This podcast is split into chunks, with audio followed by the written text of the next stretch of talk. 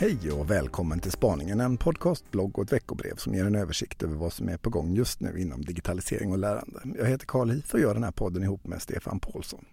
Den här veckan tittar vi närmare på två projekt som RISE deltar i och som behandlas i två artiklar på Spaningen tidigare den här veckan. Båda projekten kommer att presenteras i seminarier på eh, Almedalsveckan den 1 juli. Vi eh, fortsätter med en forskningsintervju från Learning Forum och rundar av med veckans tips.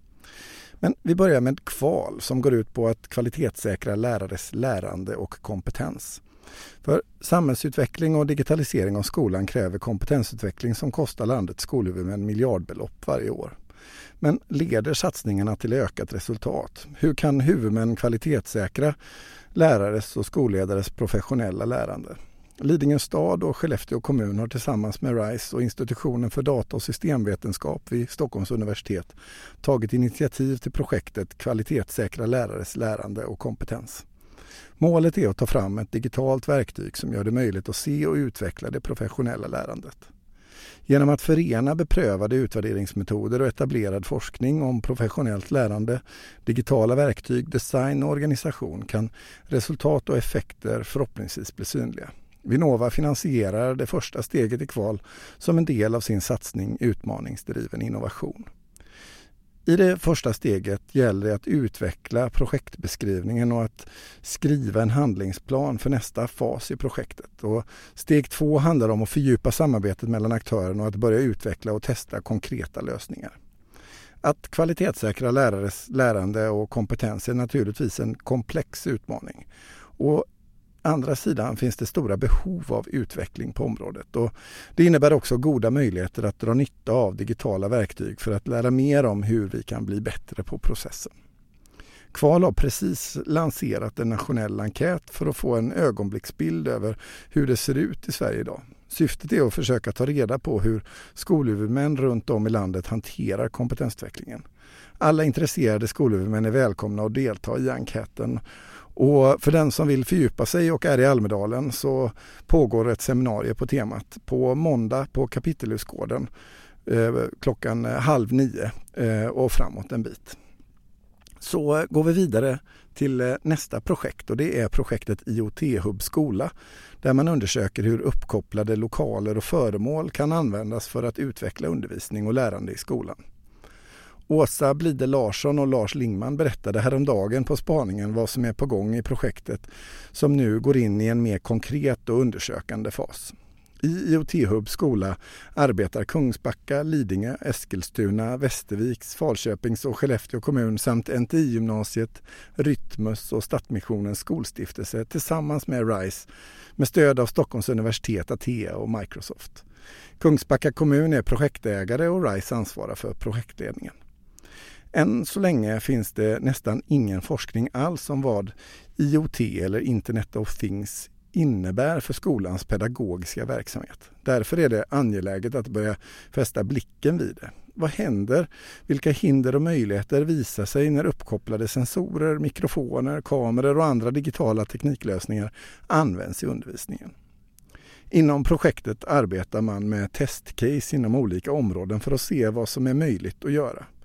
I ett testcase kan man använda luftsensorer för att mäta luftkvalitet i och utanför skolan. I ett annat test undersöker man hur en uppkopplad robot kan användas för att låta frånvarande elever delta i undervisningen. Här använder man Robit, en billig fjärrstyrd robot som är baserad på öppen hård och mjukvara och som utvecklas av RISE i Göteborg.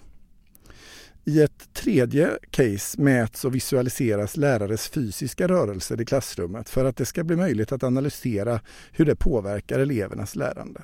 Syftet är inte att övervaka lärare eller elever utan att med hjälp av visualiseringar ge ett bättre stöd för att utveckla sin egen undervisningsmetodik. Den stora utmaningen med Internet of Things är att hitta en lämplig avvägning mellan behov, nytta, integritet och säkerhet. Det finns mycket som är möjligt men elevers och lärares behov måste alltid vara i främsta rummet. Denna, eh, detta projekt det kan man också ta del av i Almedalen på måndag på Kapitelhusgården eh, klockan kvart över tio. Eh, så alla som eh, hör detta och råkar röra sig mot Almedalen är naturligtvis varmt välkomna så har det blivit dags för veckans forskarintervju. För på Learning Forum i Göteborg 2018 videointervjuades 27 svenska forskare och forskarstuderande inom skola och lärande om sin forskning. Och filmerna de finns på Learning Forums Facebook-sida och kommer ut i spaningen efterhand med fördjupade texter. Veckans intervju är med Robert Ramberg, professor på institutionen för data och systemvetenskap vid Stockholms universitet. Han har disputerat i kognitiv psykologi och i sin forskning undersöker han hur digitala och andra stöd kan stärka lärande och samarbete. Och just nu arbetar han med IoT Hub skola.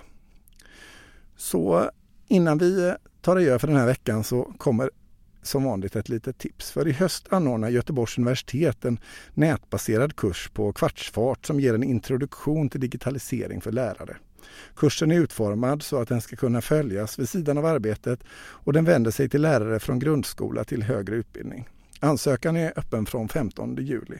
Eftersom de sökande rangordnas efter ansökningsdatum är det en god idé att söka så tidigt som möjligt.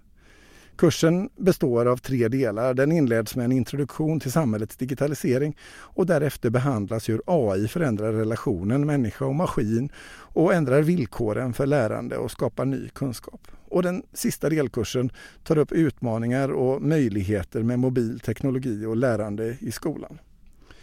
Och med detta så är veckans podcast slut. Eh, vi finns som vanligt i ehm, Eh, på internet på www.spaningen.se och det går också att ta del av oss som ett e-postbrev och det går att ladda ner på spaningen.se. Men för den här veckan så är spaningen slut och vi hörs på nytt eh, i nästa gång.